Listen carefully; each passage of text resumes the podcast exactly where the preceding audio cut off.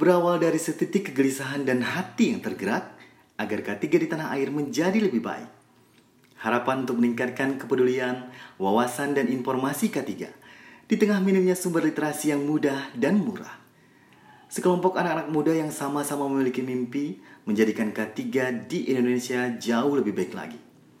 Sehingga lahirlah sebuah wadah, sebuah ruang, sebuah komunitas tanpa batas. Dengan metode komunikasi secara online mudah dan minim biaya.